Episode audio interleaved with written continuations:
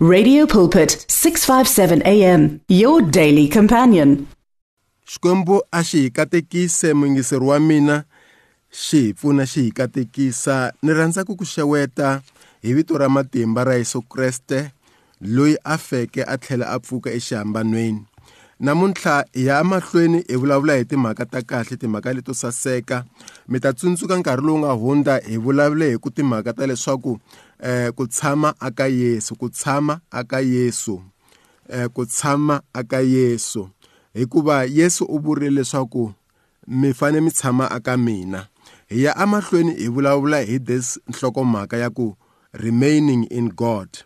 Uh, say to your neighbor remain in God remain in God remain in God remain in God is very important. Is very important. Mi ta tsundzuka leswaku hi hlayile eka hi hlayile eka mhaka ya leswaku eh loko Yesu a vulavula hi timhaka ta nsinya a vulavula hi timhaka ta nsinya eka chapter number 15 verse number eh chapter number 15 verse number 1 to 4 hi hlaya hi nga hlaya aka verse number 1 to 4 um um hi nga hlaya aka verse number 1 to 4 aka yona chapter number 15 yiri hi mina nsinya wa xiviri wa vinya murimi i tatana wa mina. Rhavi rin'wana ni rin'wana leri nge ka mina leri nga vekeki mihandzu. Wa ri susa kambe rin'wana na rin'wana eh leri vekaka mihandzu wa ri khutulela ri saseka leswaku ri ta veka ku tlula ni khale. Na sweswi eh n'wina mi sasekisiwile hikwalaho ka rito leri ndzi mi byeleke rona. Tshamani eka mina ku kotisa leswi na mina ndzi tshamaka eka n'wina. Tanihi leswi rhavi ri nga kotiki ku veka mihandzu hi roxe loko ri nga namarheli nsinya. Na n'wina mi nge swi koti loko mi nga ndzi namarheli hi mina nsinya wa vinya n'wina mi marhavi. Loyi a tshamaka eka mina loyi a tshamaka eka mina ku kota leswi na mina ndzi tshamaka eka yena. U veke mihandzu yo tala hikuva handle ka mina mi nga ka mi nga koti ku endla nchumu. Un'wana ni un'wana la nga tshamiki eka mina wa cukumetiwa ehandle tani hi rhavi leri omeke. Marhavi layo tano ma hlengeletiwa kutani ma hoxiwa endzilweni ma tshwa. Loko mi tshama eka mina ni loko ma marito ya mina ya tshama eka n'wina. Kombelani xin'wana na xin'wana lexi mi xi rhandzaka kutani mi ta endleriwa xona. Tata wa n'wina u ndzi u dzunisiwa hi loko mi veka mihandzu leyo tala ku kombisa leswaku mi vadyondzisiwa va mina va xiviri. Bibele yi vula sweswo u ri yesu aka verse number 1 hi mina nsinya wa xiviri wa vinya. Murimi i tatana. Hi mina nsinya wa xiviri wa vinya. So yesu laha u vulavula hi timhaka ta leswaku uh, hi yena nsinya wa xiviri wa vinya. Ivi a vulavula hileswaku murimi i tatana which means god is he talks about god as a creator. God hi yena a nga creator. Hi yena mu create uh remember god uh created the heaven and the earth uh, and in the beginning there was nothing. In the beginning there was nothing. The bible says there was nothing in the beginning. Um because yesu la u vulavula hi timhaka ta leswaku tatana hi yena mutumbuluxi hi yena murimi hi yena murimi mi ta tsundzuka aka the bible talks about um uh, loko xikwembu xi sungula misava. Hi uh, Genesis chapter number 1 uh, yi ri bibele ekusunguleni xikwembu xi tumbuluxile tilo ni misava. Misava a yi nga ri na a yi nga ri na xivumbeko naswona eka yona a ku nga ri na nchumu. Munyama a wu funengetiwile a wu funengetile xidziva lexikulu. Moya wa xikwembu wona wu ri karhi wu hunga hunga ehenhla ka mati. Kutani xikwembu xi ku a ku ve ni ku vonakala hi loko ku vonakala ku va kona. Xikwembu xi xi xikwembu xi vona leswaku ku vonakala ku sasekile. Kutani xi hambanisa munyama ni ku vonakala kutani xikwembu xi tha ku vonakala xi ku enhlekani munyama wona xi ku i vusiku kutani ku va ku va madyambu ku va ku tlhela ku va ni mixo ri va siku ro sungula. Lahawani um a hi languteni hi languteli laha bibele yi ngo a ku sunguleni xikwembu xi tumbuluxile misava tilo ni misava. Hikuva misava a yi nga ha ri hava nchumu. So i xikwembu xi nga tumbuluxa. Mara aka verse number 1 eh ya Johana ka vanyisa ka 15 yiri hi mina nsinya wa xiviri wa vinya murimi murimi i tata wa mina. Um so this verse yi connecta swinene na verse yo sungula ka Genesis leyi nge xikwembu xi tumbuluxile misava. Laha Yesu a ku murimi i tatana. Uh, murimi i tatana. Uh, murimi murimi is creating uh, things that have not been there. U creator u, u sungula swilo leswi swi nga riki kona and then a kuma mihandzu ka swona. Now god created the heaven and the earth. And here god i murimi i musunguri hi yena a nga creator the heaven and the earth. So yi ri hi mina nsinya wa xiviri wa vinya murimi i tatana. So hina tatana who is god loyi a nga mutumbuluxi. Hina yesu loyi a nga nsinya lowu wu pfunaka eka marhavi. Loko hi ya mahlweni ka verse number 2 yi ri rhavi rin'wana ni rin'wana leri nga leri nga eka mina leri nga vekiki mihandzu wa ri susa. So rhavi rin'wana na rin'wanyana murimi wa ri susa leri nga vekiki mihandzu u ri endla yini? Wa ri susa which means ansinya wona hi woxe um a wu swi koti ku susa marhavi but murimi wa swi kota ku ma susa marhavi. So so rhavi rin'wana na rin'wana leri nga la nsinyeni lowuwani loko ri nga endli mihandzu wa ri susa. So what does that mean? Uh, as the bible says that hi hina hi marhavi eh nsinya i Yesu Kriste mutumbuluxi i xikwembu so rhavi rin'wana na rin'wana leri nga nsinyeni mina na wena hi tanihi loko hi ri marhavi ensinyeni lowu there is an expectation. U ri rhavi rin'wana na rin'wana leri nga vekiki mihandzu wa ri susa. Leswi vulaka leswaku mina na n'wina hi fane hi veka mihandzu loko hi ri kona laha nsinyeni lowu lowu ku nga Yesu Kreste. This thing is sort of a reciprocal process. Reciprocal process is that i talk about this uh, last time. Ni vulavule last time so today i'm saying that a reciprocal process last time ni vulavule we benefit from the tree as the branches. Ha benefita kusuka aka murhi tanihi tanihi marhavi ha benefita. Ni vulavurile leswaku hi benefitisa ku yini? Hi benefita hi mhaka ya protection leyi nga kona protection protection. Say to your neighbor protection protection. You are protected by um by by being a, a branch, you are protected by being the branch of that tree. You are protected by being a branch of that tree.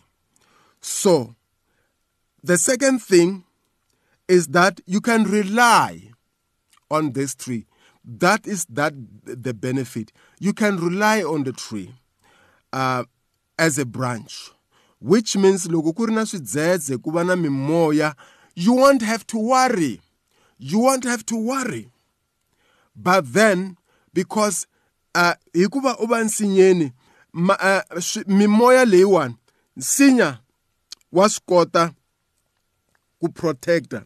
Mara loko u ri rhavi u ri wexe kun'wanyana and you you you you you ku na swilo swo tala leswi um u nga vulnerable ka swona. U ta oma eh u ta va ta ku teka va ku tshivela like ku endla ndzilo and the bible talks about that here. Um swihuhuri na swidzedze na swihangu a wu nge poni ka swona. But when you are connected to this tree oh my god when you are connected to this tree swiha swihuhuri swihangu a swihangu eh minkhuluko khuluko ya matimba. Uh, you are safe. You are safe. You are safe when you are connected to the to the tree. So but today i'm saying it's a reciprocal process because as the bible says that this murimi loyi loko ku ri na nsinya lowu nga vekeke loko ku ri na uh, branch leyi nga vekeki mihandzu wa yi susa which means there are some expectations. There are some expectations that we are expected as the branches. Hi expectiwa ku veka mihandzu aka vhesi yin'wana ni nga yi hlaya yi vulavula hi eh vhese leyi yi vulavula hi timhaka ta leswaku ri nsinya hi wu tiva hi mihandzu wa yona Matthew chapter number 12 say Matthew chapter number 12 to your neighbor as you open your Bible. Matthew chapter number 12 verse 33 vonani murhi lowunene na yona mihandzu ya wona hi leyinene. Vonani murhi lowo biha. Na yona mihandzu ya wona hi leyo biha hikuva murhi wu tiviwa hi mihandzu wa yona. Hikuva murhi wu tiviwa hi mihandzu wa yona. Vonani murhi lowunene na yona mihandzu ya wona hi leyinene. Vonani murhi lowo biha na yona mihandzu ya wona hi leyo biha hikuva murhi wu tiviwa hi mihandzu ya wona. Uh, ya xilungu yi ku either make the tree good and its fruit good or make the tree rotten and its fruit rotten because a tree is known by its fruit. Murhi wu tiviwa hi mihandzu wa yona. So we are expected uh, to bear fruits. Xana yesu i nsinya wa njhani hikuva ha swi twa bibele yi vulavula hi ku um nsinya wu tiviwaka hi mihandzu wa yona. So ku na nsinya lowu nga tswalaka mihandzu yo biha ku na nsinya lowu nga tswalaka mihandzu leyinene mihandzu loyo saseka. So swi vula yini na? Swi vula leswaku hi fane hi languta but mina i'm convinced uh, that jesus i murhi lowunene i murhi lowu tswalaka mihandzu leyinene which means you and me loko hi ri aka yesu hi ta tiveka hi ku tswala mihandzu leyinene. Loko ku ri ku a wu tswali mihandzu leyinene mihandzu leyinene ku nga rirhandzu ku nga ku comforta vanhu ku nga tintswalo ku nga ku va good to people ku nga ku hanana ku nikela ku nga ku um mihandzu leyinene child of god. Um so loko u nga tiveki hi mihandzu leyinene then it means you will not be a good example. Uh bibele yi vulavula hi mihandzu leyinene yi vulavula hi mihandzu leyinene. Yi vulavula hi rirhandzu rirhandzu is one of the uh, good rirhandzu is one of the good uh, or is one of the attributes of Christ. Um verse chapter number 13 verse number 4 yiri aka mihandzu yin'wanyana leyi ku nga rirhandzu yiri rirhandzu ra tiyisela naswona ri na tintswalo. Rirhandzu a ri na mavondzo a ri tinyungubyisi a ri tikurisi. Rirhandzu a ri hanyi hi ndlela yo soleka a ri ti laveli leswi nga swa rona ntsena. A ri na ximbilwambilwani rirhandzu a ri na xiveketelo xa leswo biha rirhandzu a ri tsakeli ku homboloka kambe ri tsaki ri tsakisiwa hi ntiyiso. Rirhandzu ri amukela hinkwaswo rirhandzu ri pfumela hinkwaswo rirhandzu ri langutela hinkwaswo rirhandzu ri tiyisela eka hinkwaswo. These are some of the mihandzu leyi nga kona loko Yesu munhu a ri ka yena. Yesu u tiveka hi rirhandzu. Leswi vulaka leswaku na mina na wena hi fane hi tiveka hi rirhandzu. Hi fane hi tiveka hi timhaka ta leswaku hi na rirhandzu. Hi fane hi tiveka hileswaku xikwembu xi na rirhandzu. Xikwembu um God is good and all the time God is good. All the time God is good. So um we must be also good. Eh tintswalo ku nga swin'wana swa swihlawulekisi swa leswi hi va fanekelaka na it's something that we can say we must have. And when we talk about the bible says abide in christ the word abide in christ the definitions of the word abide has five uh, uses of the verb. It means to remain. So the word ab- abide, because the Bible yiri, abide in Christ, abide in me, abide in me. So the word abide means remain. The word abide means to continue to, to continue, remain in Christ remain in Christ. That's how what the word abide means. But it also means continue, with, which means you continue to stay in Christ. It also means to stay. It means that ufane utshama aka Yesu. Tshama aka Yesu. Tshama aka Yesu. It means to dwell. Dwell in Jesus. Dwell in the word of God. Reside ku tshama aka Yesu. Um so we're gonna stay in Jesus no matter what. Because the word abide means that we must stay in Jesus. Makosita. We must stay in Jesus. We must stay in Jesus. Just like just like the tree is able to stay. The tree is able to stay I mean, the branch is able to connect with the, with the tree. We must connect with the tree. We must connect with the tree. When you are sick, connect to the tree. Connect to the tree.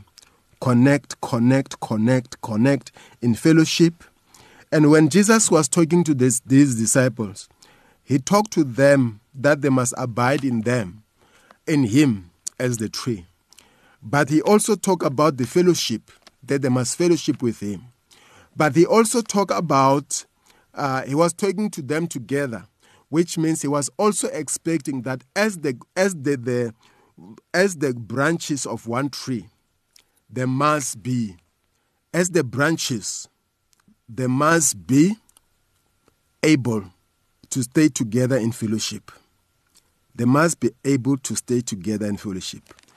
xikwembu katekisa xikwembu endla hi tintswalo ku kondza hi nkarhi lowu taka The words of the Lord are words of life. Your heart is on 657 AM. 657 AM. Radio for believers in action.